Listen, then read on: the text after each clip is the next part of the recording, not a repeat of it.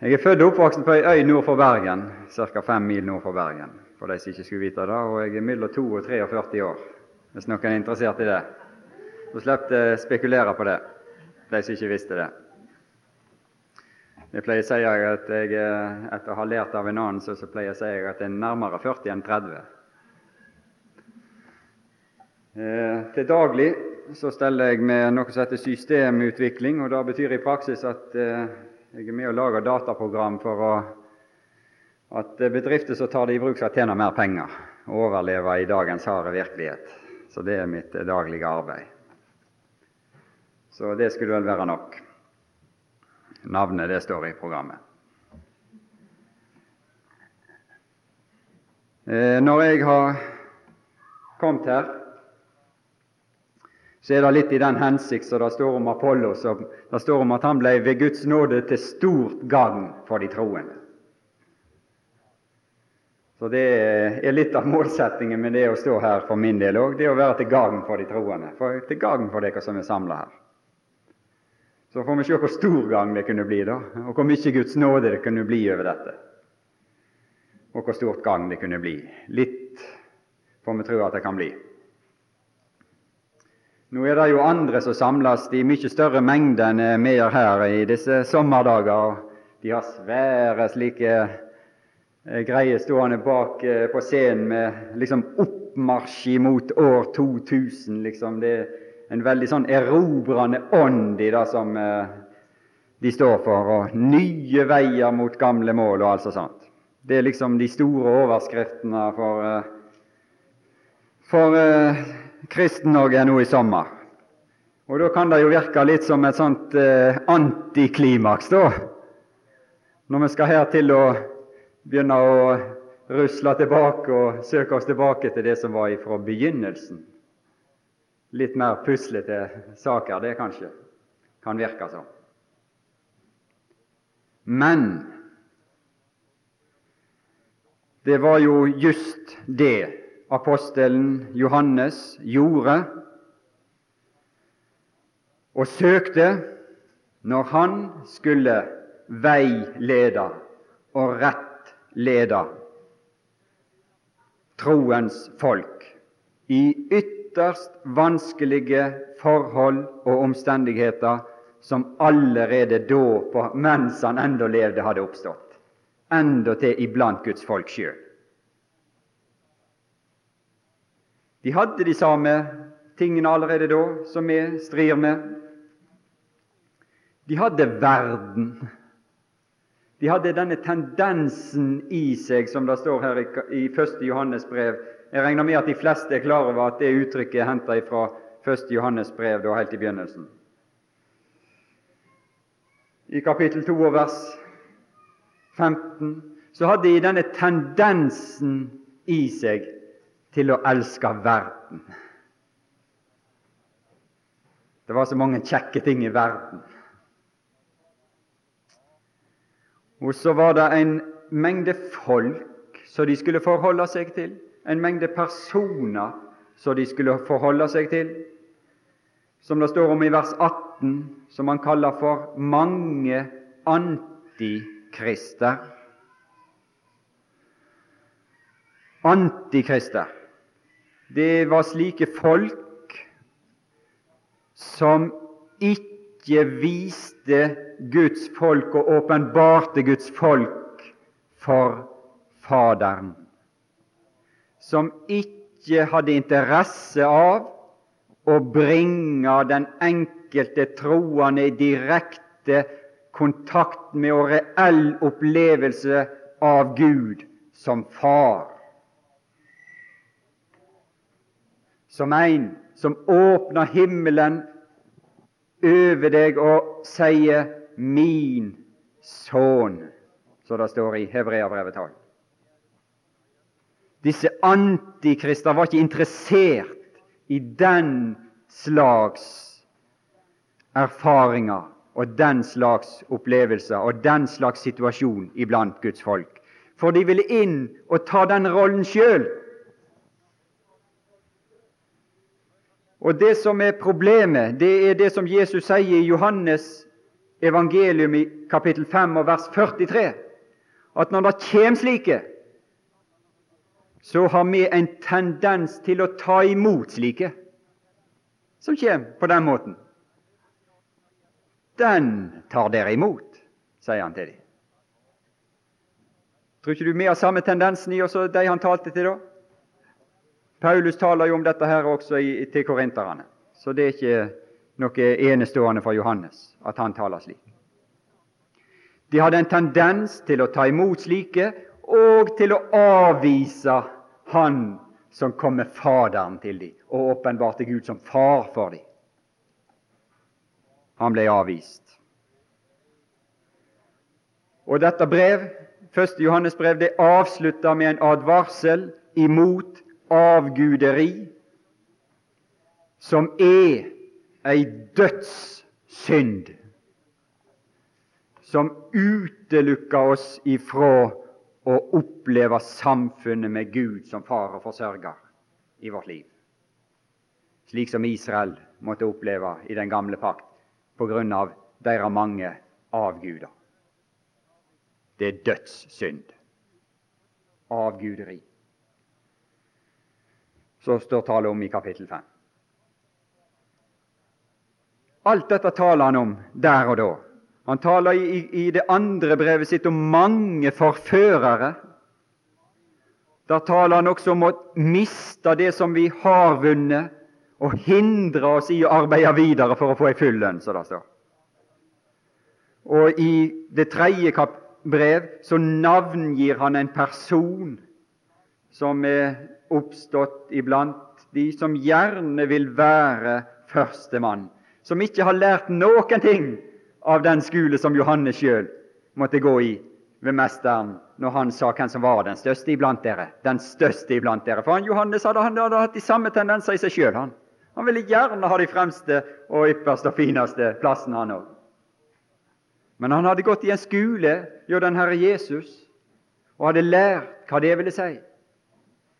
Hvem som var reelt den første og den fremste. Men her er en som heter Diotrefes i, i 3. Johannes brev i, i, vers 9, som ikke har lært det. Som ikke har gått i den skole, som ikke har vært hos mesteren, og ikke har noe av de kjennetegn. Men som må bruke makt og albuer og trusler for å beholde den makten. Og vold, om du vil. Og det er velkjent opp gjennom historien. Europas såkalte kirkehistorie er et eneste blodbad. Og det er ikke verden i og for seg som har vært de sanne troende sitt problem, men det er disse som liksom har gitt seg ut for å representere Gud i denne verden. Og vi har det helt oppe i vårt land hvor motstanden har vært. Midt i dette, midt i, i en slik situasjon, så fører han fram noe som har til hensikt å føre deg og meg til en tilstand av fullkommen glede, sier han i kapittel 1 vers 4, og sette oss i stand til noe som er Altså krev ressurser som overgår alt i denne verden, nemlig å elske brødrene. Du skal elske brødrene under slike omstendigheter blant Guds folk. Og det kreves ressurser. Uendelige ressurser. Dette er noe som ikke liksom skjer av seg sjøl. Det krever en aktiv søken. Det krever en bevegelse i en bestemt retning fra vår side. Det krever at vi ved Guds ånd blir ført tilbake, som det står om i Esekiel. Ført tilbake til kilden, til starten, til begynnelsen, til Jesus Kristus. Jeg skal prøve å bare si bitte lite grann omkring disse tingene her, disse dagene. Men jeg tenkte vi kunne ta en liksom litt kanskje annen vinkling på det nå i kveld, på eh, det første møtet her.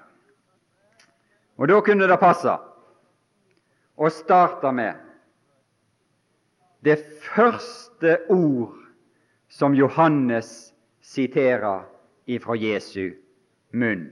Om du vil Jesu begynnelsesord overfor Eller det som Johannes vitner, og det som Johannes har ført videre til oss.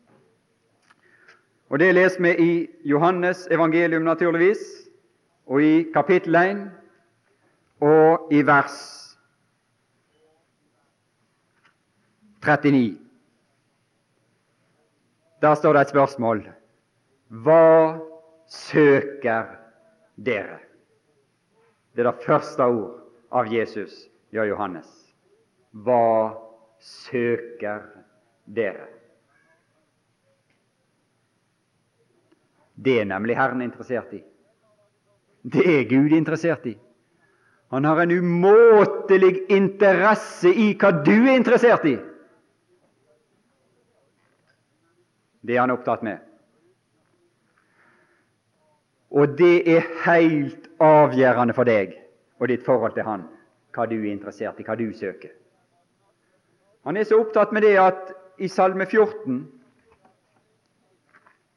så står det noe som eh, Paulus bruker i Romerbrevet.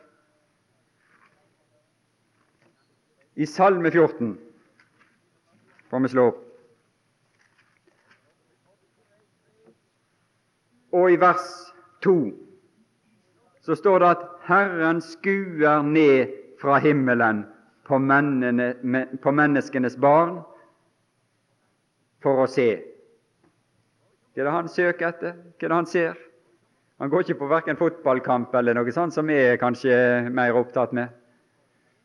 Nei, det er ikke det han ser etter. Men for å se om det er noen forstandige, noen som søker Gud. Det ser han etter. Det er han interessert i. Er det noen som søker meg? Er det noen som søker meg der nede i verden, iblant menneskenes barn?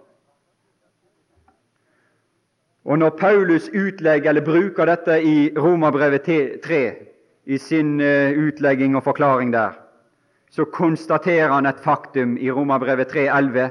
Det finnes ikke én som søker Gud, enn ikke én. Så han søkte, men han fant ikke Gud.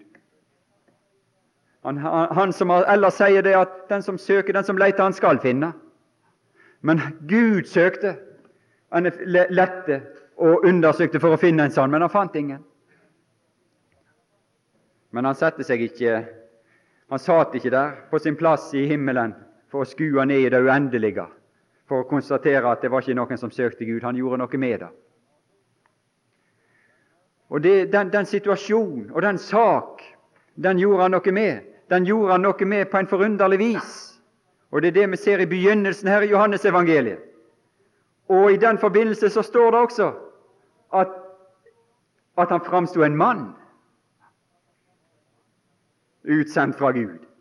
Gud sendte ut en mann og så sto det opp til en mann iblant de, i kapittel 1 og vers 6. Med en navngitt mann, et navngitt redskap, utsendt ifra Gud. Ja, fra Gud. Men vi skulle være fornøyd hvis de var utsendt ifra Gud. Vi spør etter all slags andre utsendelser, hvem som står bak de, altså sånt. Vel, her var det ingen som sto bak han uten Gud. Det er vel nok, det, hvis du er utsendt ifra Gud. Og han, og det her står det hvordan utsendingene for Gud er i neste vers. Han kom til vitnesbyrd for å vitne om lyset, for at alle skulle komme til troen ved Han. Og Så sier han at han er røst. Han er røst som roper i ørkenen. En røst ifra himmelen var han. Men de aller, aller fleste de var bare opptatt med dette vitnet som person og begynte å spørre all slags spørsmål til han. Hva kjenner du for en, og hvem mener du at du er, hva er det du driver på med, hvem er det som har gitt deg rett til dette, osv. Det kan du lese videre i 1. Johannes. Men så hadde han noe annet han sa. Og så ser han en mann komme gående en dag, og så sier han, og så løfter han sin si, si hånd og sin finger, og så sier han Sjå, der Guds lam som bærer verdens synd. Som tar bort, kan du òg si at det står. For ordet der betyr at bærer bort er det du tar bort. Altså du tar opp noe og bærer det i, det, i den hensikt å, å bære det bort og fjerne det. Som tar bort verdens synd. Og så sto han der sammen med to av sine disipler, står det i vers 35. Og så ser han Jesus som kom gående, og så sa han, Sjå, der Guds lam. Og da hendte det noe underlig. De hørte noe, disse to disiplene hans, som de andre ikke fikk tak i. Som, de, som de, storparten ikke fikk tak i. Det skjedde noe underlig med disse. De to disipler hørte hans ord, og Og det er mer enn forunderlig. De hørte hans ord, de hørte Johannes ord, de hørte vitnes ord, og så fulgte de etter Jesus. Så han ble stående der og måtte se at to forsvant av, av, av sine disipler. Da ble han vel litt sånn rar i hjertet og litt sånn følte det liksom Oi, her gjelder det å passe på at de ikke forsvinner vekk fra min innflytelse og mitt herredømme. Vet du hva han sier i kapittel 3 i det samme brev? Da sier han når de hine trodde at han måtte reagere sånn, når de andre kom og synes at nå må du passe på, Johannes, for alle følger jo han. Alle følger han. Du blir jo en liten pusling igjen, du, Johannes. Du må, du må passe på nå. Og holde de, gjør deg. Nei, sier han. Han hadde ingen interesse av det. Han sier endatil det at han, han, han omtaler denne sak, og så, når han ser dette syn, og ser at de følger etter den Herre Jesus for å bli hans disipler. Og så går de ut av Johannes' disippelflokk, og så blir de den Herre Jesus sine. Så står det at 'denne min glede er nå blitt fullkommen'. For han sier at 'jeg gleder meg over dette syn'. Denne min glede er nå blitt fullkommen. For det er nemlig hans. Det er han som skal ha dem. Det er ikke mine. Det er hans. Da må de gå til han. Han bruker et bilde og noen ord der i kapittel 3, så du kan lese sjøl. Ja, det er et vitne. Det er en utsending fra Gud. Det er karakteren i en tjener fra Gud, som fryder seg over dette syn. De fulgte etter Jesus. Åh, tror du ikke han hørte liksom skrittene bak der? Ja, Jesus gikk der. Så hørte han noe i grusen. Så står det at han vender seg om. Han vender seg om. Han vender seg om. Det kan du være sikker på han gjør. Når han hører noen skritt bak seg i grusen, er det noen som vil som er etter meg? Er det noen som vil følge meg?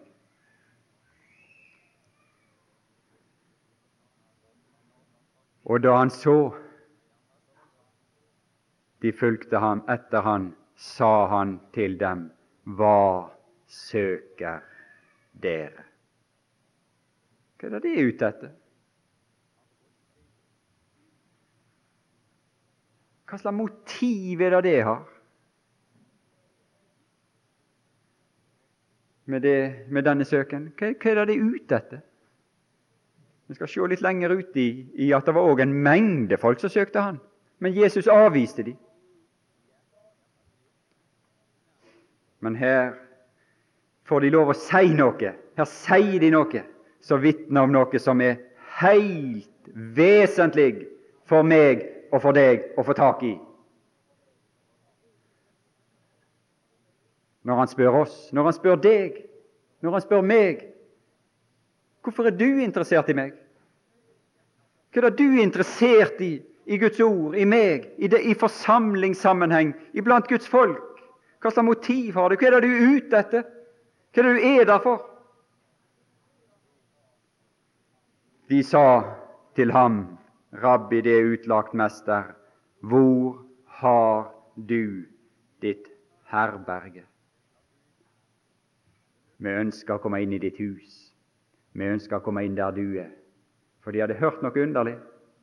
De hadde hørt nemlig en røst som utpekte Jesus ifra Nasaret som Guds lam.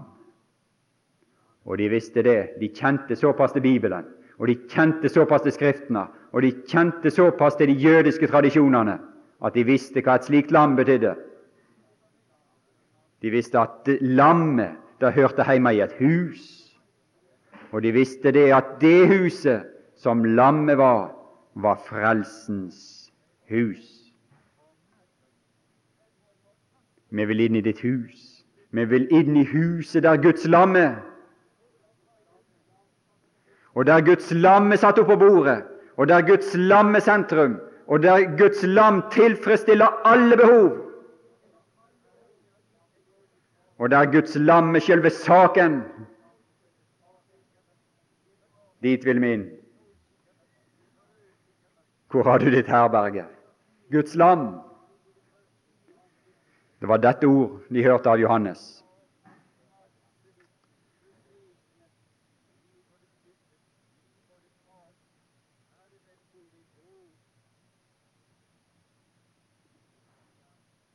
De visste at der var den fullkomne glede. Der var den fullkomne tilfredsstillelse. Med Guds lam måtte nemlig Guds frelse følge. Lammet, det, det, det, det, var det som hadde berga de en gang, forfedrene deres, ut av Egypten en gang. Det var et, et lam til frelse. Og så her kommer Guds lam, altså måtte det hus som dette Guds lam i var i, det måtte være frelsens hus.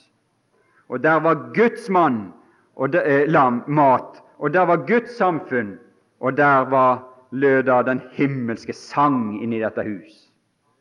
For de sang endatil når de samlast om Guds lam etter tradisjon. Så var det sang, lovsang. Så her var, var saker og ting inni dette hus og så her er det Guds lam. Guds lam. Vi søker det hus der du, Jesus, som er Guds lam, er sentrum, og alles øyeoppmerksomhet er retta på deg, og du tilfredsstiller alle med din person. Det søker vi. Og denne søken, den er unik, den er enestående iblant menneskene.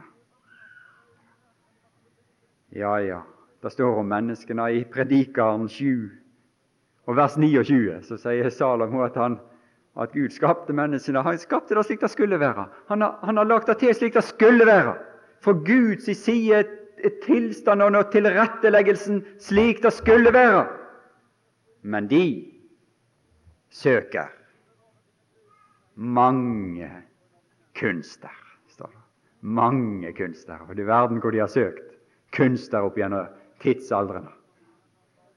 Det er bare å skru på radioen i to minutter, kan du høre hva menneskene har fått til i denne verden.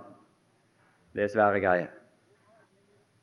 Det, det, det, liksom, du, kan ikke, du, kan ikke, skru på en radio i to minutter, du kan ikke åpne en avis, du kan ikke åpne noen ting uten du ser frukten av de mange kunster som menneskene har søkt. Og disse skikkelige liksom, som, som, som, som, vil sette Gud på en måte på, på prøve og, og, liksom eh, skal, skal, eh, få, få Gud til å være en sånn vanskelig person. De spør liksom hvorfor, Gud, hvorfor er det en Gud når det er alt slikt? Ja, men det er ikke Gud som har lagt i stand alt dette her, som menneskene har søkt med sine kunster. De driver og anklager Gud for da de skulle anklage seg sjøl for. Jeg må rette anklagen rette veien. Det er ikke Gud som har skyld for, at verden ser ut som han ser, og at tilstandene i denne verden er blitt så de er blitt. Det er menneskets mange kunster som har ført deg dit. Det. Og det blir ikke orden på dette her før han kommer fra himmelen og, og lager orden. Men han lar menneskene utøve sine kunster i sin langmodighet ennå ei stund. Hvor lenge vet vi ikke. Vi vet ikke om det blir år 2000. Så det kunne bli litt vi søker mange kunster. Men her, denne søken, den var unik. Så enestående iblant menneskene, endatil jødene på denne tid var dette så enestående. Og dette er en søken som er uimotståelig for Gud og for den Herre Jesus. De kan ikke stå seg imot en sånn søken. Det er umulig for dem. Helt umulig for de er sånn. Deres hjerte er innretta sånn at når det er bare den minste bevegelsen i retning deg som person, og det de står for, og det de er, så er de der med en gang, og så åpner de opp med en gang. Det har aldri hendt, det har aldri i historien hendt at noen har søkt Herren. For å søke Han Altså ikke all slags bimotiv som vi ser en del av, men da de har søkt Han som person for å søke inn til Han og er blitt avvist. Alle som Faderen gir meg, kommer til meg, og jeg vil ingenlunde støte dem ut. Ingenlunde støter dem ut. Det er uimotståelig. Og her, ser, her er ikke persons anseelse her spør ikke Gud etter byrde eller etter tilstand eller etter egenskaper, om du har mye synd eller lite synd. Det spiller ingen rolle. Den store kjeltringen Jakob i Det gamle testamentet, som søkte disse ting i Gud på en sånn måte at han, han, han gjorde både det ene og det andre, og, og, og, som, som var imot Gud og Guds vilje. Men det var noe med han likevel, noe med hans søken som behaga Gud, og som gjør at det står at Jakob elsket jeg. Jakob elsket jeg, men Esau hatet jeg. For han brydde seg ikke. Det er det som står i Hebreabrevet 12. Esau brydde seg ikke. Jakob han brydde seg. Han søkte det som hadde med Herren å gjøre, og hans person og det, det som Herren kunne fylle i hans liv. Og han søkte det. Og når alt dette her var over, så står det om en som søkte med tårer, men ble avvist. Det var for seint. Det er noe som blir for seint. Det var for seint for den rike mannen når han slo sine øyne opp og hadde levd sitt liv i denne verden, som det står. Du levde ditt liv, du i denne verden. Det er for seint nå. Når han slo sine øyne opp og oppdaga hva det livet hadde ført han ut i, og hva var frukten av det livet, og hva det livet som var hans liv, hadde tilført han i denne verden. Og resultatet av det hele, og lønna som synden gav, som er døden, så var det for seint. Da var det et svelg som ikke kunne overstiges. Men dette denne søken. Kom, sier han, kom. Han sa da til dem, han sa til dem, kom og se. Da kom de og så hvor han hadde sitt herberge, og de ble hos ham. Den dag det var omkring den tiende time. Ja, ja. Jeg tror ikke jeg var så veldig puslete inni det herberget der, kan du være sikker på. At der var noe de blei hos han den dag. De blei værende der.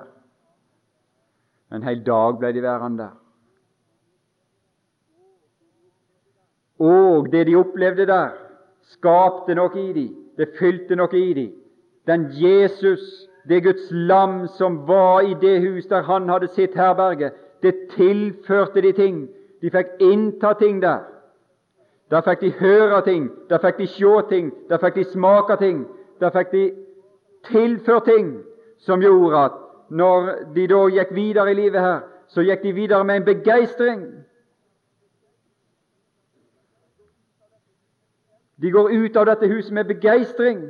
De Det er akkurat som oss når vi har liksom vært med på noe som vi syns er kjekt og tilfredsstillende. Så snakker om det, om det. Ja, den maten og den serveringen og de rommene og det som skjedde der, og den og så videre, og den og den og den. Det er slik som jeg sier. Det er noe av den samme art her når, når, når de kommer i møte med andre her. En av de to som hørte hint ord av Johannes og fulgte etter ham, var Andreas, Simon Peters bror. Han finner først sin bror Simon og sier til ham, 'Vi har funnet Messias.' Det er utlagt Kristus, og han førte ham til Jesus. Det er en begeistring i dette. Det er noe liksom en tilfredsstillelse som han har, fått i møte med den Herre Jesus, som liksom bare strømmer over, og så kommer ut 'Vi har funnet Messias'. Vi har funnet ham. Det er utlagt Kristus. Han førte han til Jesus, inn i det samme samfunn, inn til det samme, inn til denne. Han førte ham til Jesus. Til Jesus.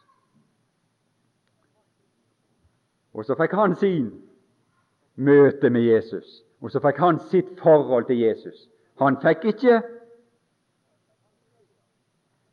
Andreas sitt forhold til Jesus, men han fikk sitt eget forhold til Jesus. Det var Andreas som førte han til Jesus med sitt begeistra vitnesbyrd. Vi har funnet Messias. Men Peter fikk sitt helt eget forhold til Jesus.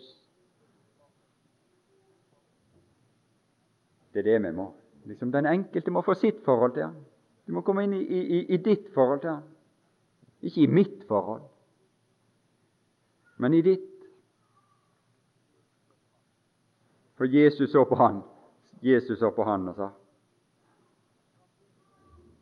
Og Så traff Jesus en i vers 44 på veien videre, som heter Philip. Og så skjer det samme igjen. Philip traff Nathanael og sa til han, han som Moses har skrevet om i loven, og likeså profetene, han har vi funnet. Han har vi funnet. Det er den samme begeistring. Det er det samme overskudd.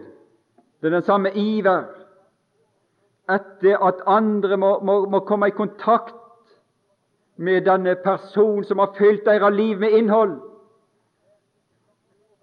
Og Bare i disse noen få versene her så ser vi et ideal, et mønster, allerede krystalliserer seg ut. Allerede liksom begynner å stå fram et mønster for samling, et mønster for enhet. Enheten er Kristus. Vi har funnet Messias. Det er det som er vår enhet. Og andre årsak til enhet iblant Guds folk kjenner ikke Skriftene til enn denne enhet i Han. Enhet i den Herre Jesus. Og det er når vi søker å bevare denne enhet, og når vi søker å bevare dette forholdet i den enkelte av oss, at det også kan fungere som en enhet, der den enkelte har sitt forhold til Han, men der vi alle har funnet Ham, og det Han har tilfredsstilt oss. Og Så blir det Han i sentrum, og så blir det Han vi blir opptatt med. Og så kan det bli noe, kanskje, som kan bli en begeistring som kan, som gå noe ut ifra oss, som kan være med å dra de andre til Han.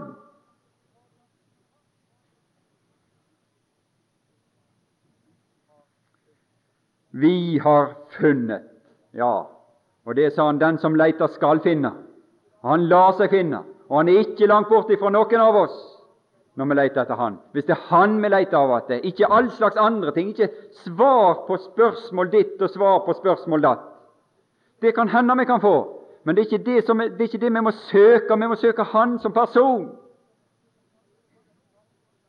Og ikke i og for seg et samfunn eller et, et, et liksom kameratskap eller liksom et godt miljø og alt dette her greiene her. Det kan skapes av Han, og der Han er i sentrum, så kan det bli det gode tilstander og gode forhold. Men det er Han som må være selve saken i det hele, kjernen i det hele. Den som søker, leter, skal finne. For disse er nemlig født av Gud, sier han i sitt første brev. Vær den som tror at Jesus De møtte denne personen fra Nasaret. De møtte denne personen som kom der, som var, var, sagt, var født i Betlehem og oppvoksen i, i, i Nasaret. Og så kom dit, og så ble han presentert for dem som Guds lam. Og så erkjente de han, og så vitna de om han, og så trodde de på han som Kristus, som Messias. Og så står det i 1. Johannes 5,1 at hver den som tror at Jesus, denne mannen ifra Nasaret, er Kristus, han er født av Gud. Han er født av Gud. De ble født av Gud, disse folkene her. Født av Gud. Guds barn. De ble Guds barn. Guds barn. Det er familie å være født inn i. Det er opphav å se opp til. Født av Gud. Og det fulgte ei ånd med dem, og det ble fylt av ei ånd. Hver ånd står det her i kapittel 4 vers 2 i 1. Johannes brev. Eller det står slik På dette skal dere kjenne Guds ånd. Hver ånd som bekjenner at Jesus, mannen ifra Nasaret, mannen født av ei kvinne i Betlehem, mannen ifra Nasaret, Jesus, at han, denne personen i kjøtt og blod, som trådte sine sko der ned på Israels jord, Palestinas jord, for 2000 år siden. Denne personen, den ånd som bekjenner at han er Messias, han er Kristus, han er Guds ånd, kom til kjød, er av Gud. De fikk ei ånd som var Guds ånd. Og det er den ånd de omgir seg med, disse personene her. Og det er den som besjeler dem. Jesus, Josefs sønn fra Nasaret, bekjent som Guds sønn, som Messias, som Kristus. Ja, du vet, det er ikke alle som har den samme letthet til å lede og den samme letthet til å begeistre. Noen de sitter her, de tenker nå litt, og de er nå litt mer sånn uh, sindige og, og liksom uh, litt sånn vurderende og sånt. Og her var en som het Natana som uh, var nå ikke sånn helt umiddelbart begeistra for det som Philip kom og sa til han. Og han var jo, Det høres ut som han hørte liksom litt mer med til eliten, denne her Nathaniel. Han, Nathanael, mener jeg. Han eh, var tydeligvis kommet inn i kretser som eh, prøvde å distansere seg litt fra dette her, disse galileerne, disse oppi fra, fra de kretsene der oppe. Det var jo ikke så mye å regne med. Kan det komme noe godt fra Nasaret? Og seinere uti her, når de diskuterer og argumenterer på det mest vidløftige og på det mest lærde her, altså så er argumentasjonen går på at, eh, at sjå, granske etter Kanskje du også er fra Galilea. Ransak, så skal du se at ingen profet kommer fra Galilea. Det, det, det er argumentasjon iblant de lærde, blant de intellektuelle, som det heter på fint. Det er argumentasjoner eh, som rekker på høyt plan. Og Det er litt, av, litt av, av, denne klassen på en måte han Nathanael i utgangspunktet kanskje hørte til. Han var slik skapt. Han kunne liksom ikke hjelpe for det. Vi er litt skapt litt forskjellige. Noen er mye lettere for å la seg liksom dra med og begeistre. Men her var en som var noe litt sånn tregere i sesten og hørte litt mer til disse reflekterte og, og disse litt mer intellektuelle. Men han gjorde nå noe når Philip liksom sa til han, 'Kom og se! Kom og se!' Kom og se! Ta deg en tur. Kom og se!' Og så fikk han møte Jesus på sin måte. Og så fikk Jesus behandle han òg. Og Jesus kan ta seg av alle folk, uansett. Gud ser, gjør ikke forskjell på folk, står det. I liksom sånne haugamle riksrådsbibler så står det 'Gud anser ikke mennesker'. Gud gjør ikke forskjell på folk. Det er ikke forskjell på høy og lav. Og han, ikke, han, spør ikke etter bankboka til folk. Han spør ikke etter sosial status eller standard, eller om de er så og så mange doktorgrader, eller om de er så og så dumme på skolen. Han spør, han anser ikke mennesker, som det står liksom de, de, de liksom riktig gamle biblene. Han gjør ikke forskjell på folk. Han tar seg av alle. Han er i stand til å ta seg av alle. Han var i stand til å ta seg av Natanael på hans måte. Og Natanael ble imponert. Og Han ble imponert over det han møtte. Han ble imponert over den Jesus han møtte. Han kom og så, og, og, og, så, og så begynte det å tennes noe i Natanael òg. Og så sa Jesus til han at det du har sett, og det du har hørt, er bare begynnelsen, Nathanael.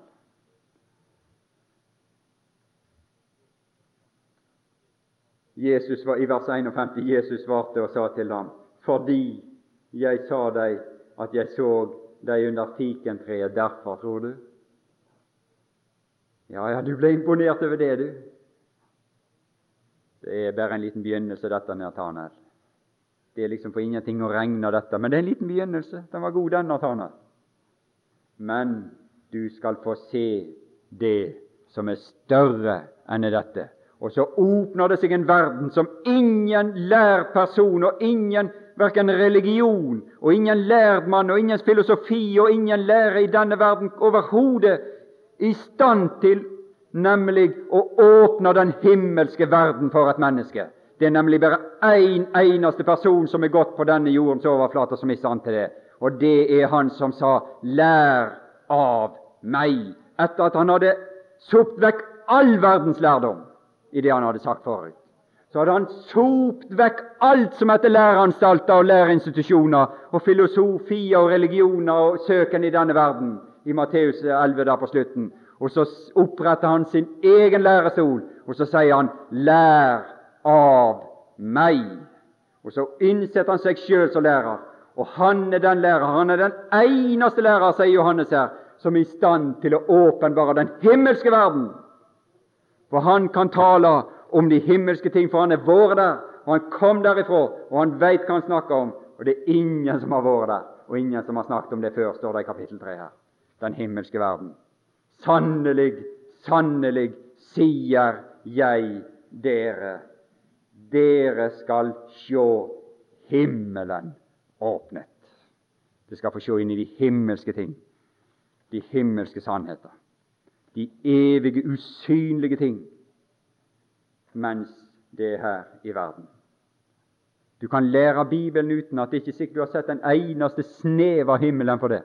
Disse fariseerne som, som, Jesus var ofte i disputt med utover her, de kunne Bibelen utenat. Det var ikke mangla ikke på lærdom i den forstand, men de kom ikke til Han. De kommer ikke til meg. De, de, de, var ikke interessert i Han som person. De søkte ikke Jesus som den han utgav seg for å være, nemlig Han som er. Jeg er, sa han. Jeg er dersom dere ikke tror at jeg er. Det er jeg som er den som åpenbarte seg for Moses i tårnebusken en dag. Nå står jeg her i kjøtt og blod for å bringe Faderen, for å åpenbare større ting enn det som Moses kunne, eh, kunne åpenbare for folk og bære med til folket etter, etter det som hadde hendt med han ute i ørkenen. Jeg er nemlig kommet for å forklare dere Faderen, den, den, den, den endegyldige åpenbarelse av Gud. For jeg leverer nemlig det brød som er kommet ned fra himmelen.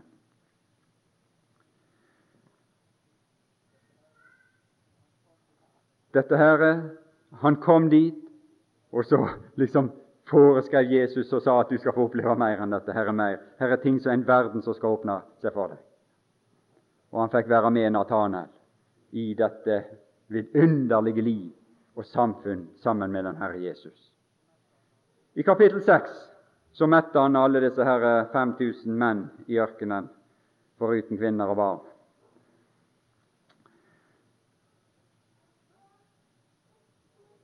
Men så står det det at de ja, han var, var han var, gikk opp i fjellet, og Seinere så rodde disiplene over sjøen, og så kom han ut til dem på sjøen, og så liksom kom han dit òg. Og så står det at folket, alt folket de søkte etter Jesus, står det i vers 24. Og så fant de han i vers 25 på hin side sjøen, og de sa til ham, 'Rabbi, når har du kommet hit?' Jesus svarte dem og sa For her var òg noen som fulgte etter ham for å søke ham. På en måte i likhet med de i kapittel 1. Men her er noen som ikke har skjønt, for det var ikke han de var interessert i. Det var liksom undergjerningene hans. Det var dette her er brødunderet. Det var liksom dette at han skulle representere liksom nå eh, være der, nærmest deres konge osv. Sånn. De ville komme til med, med, makt for å gjøre ham til konge, står det her. Det var liksom ikke han som person, men det var på en måte han som en figur. Som en sånn, sånn undergjørende figur de var interessert i. Og så svarer Jesus deg i vers 26 og så sannelig, sannelig, sier jeg dere, dere søker meg ikke fordi dere så tegn. Det de hadde opplevd, det skjønte de ingenting av.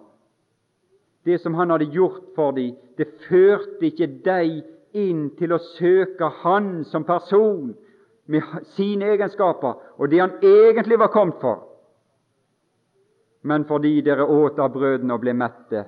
Og så begynner han å legge ut dette tegn fra vers 27.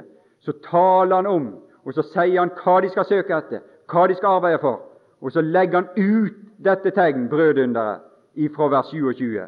Og når han har lagt ut det, og begynner å forklare at det er han som er maten, det er han som er brødet, det er han som er Guds brød som er kommet ned fra himmelen for å gi dem liv, det er han som kan tilfredsstille deres tørst, og det er han som har gitt dem det sanne, det egentlige, ført dem inn i den virkelige verden. Da drog de i vers 66 mange av hans disipler seg tilbake og gikk ikke lenger omkring med han. Og så sto det noen igjen, og så sier han til dem vil det òg gå bort. Hvorfor i alle verden går ikke, føler ikke det med mengden og går bort, det òg? Nei, hvor skal vi gå? Vi har ingenting å gå til her. Vi har ingenting å gå til. Det er ikke noe der borte. For vi har opplevd noe i deg. Vi har opplevd noe i deg, nemlig vi har opplevd det evige liv. Du har det evige livs ord, og vi tror og vi vet at du er Guds hellige. Og det er det, det er dette evige liv. Når Johannes taler om det i, i, i sitt brev Det er liksom det, det, det, det. Han har et, liksom sånn et merkelig begrep, det, som var i forbegynnelsen, og så det, og, og så videre. Du kan se det utover, og der det står 'han' enkelte plasser, der skulle det egentlig stått det, det der òg. Det. Hva er det? Hva er dette det? Det er det som Peter sier her. Det er det evige liv. Det er det evige liv det taler om. Du har det evige liv. Vi har ingen alternativ. Vi har ingen plass å gå. Vi har bare deg, Herre Jesus.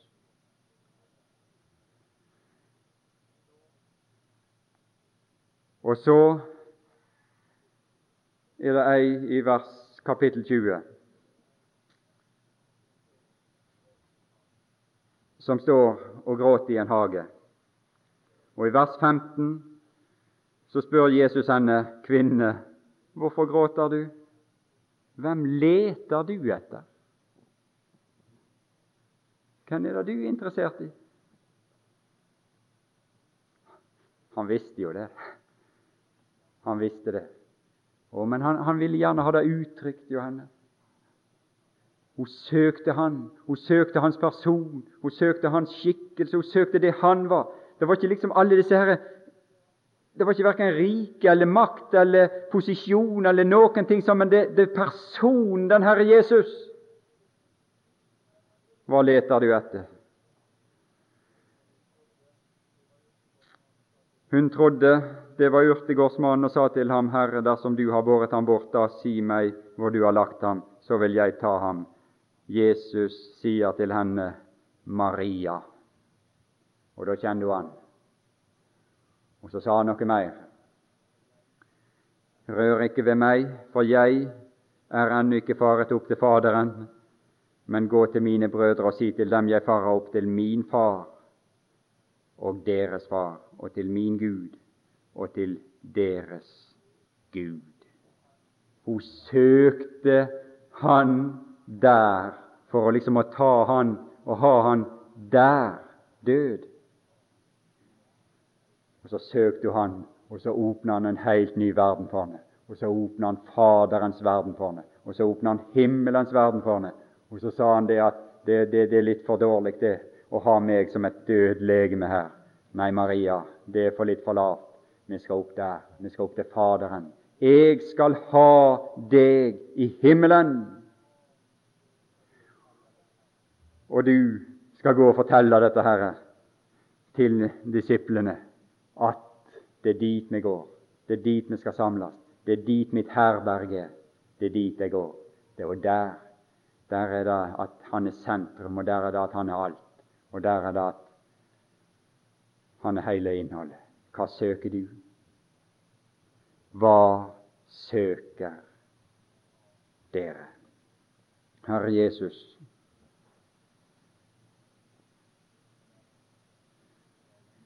det kunne være godt for den enkelte av oss å stoppe opp litt for ditt første ord til oss gjennom apostelen Johannes sin penn. Så vi tenker gjennom det. Og Herre Jesus, så er ditt ord fullt av vitnesbyrd om at de som søker deg og din person, de opplever å få ei tilfreds sjel. De opplever å bli berika. De opplever at livet blir åpenbara. De opplever overflod.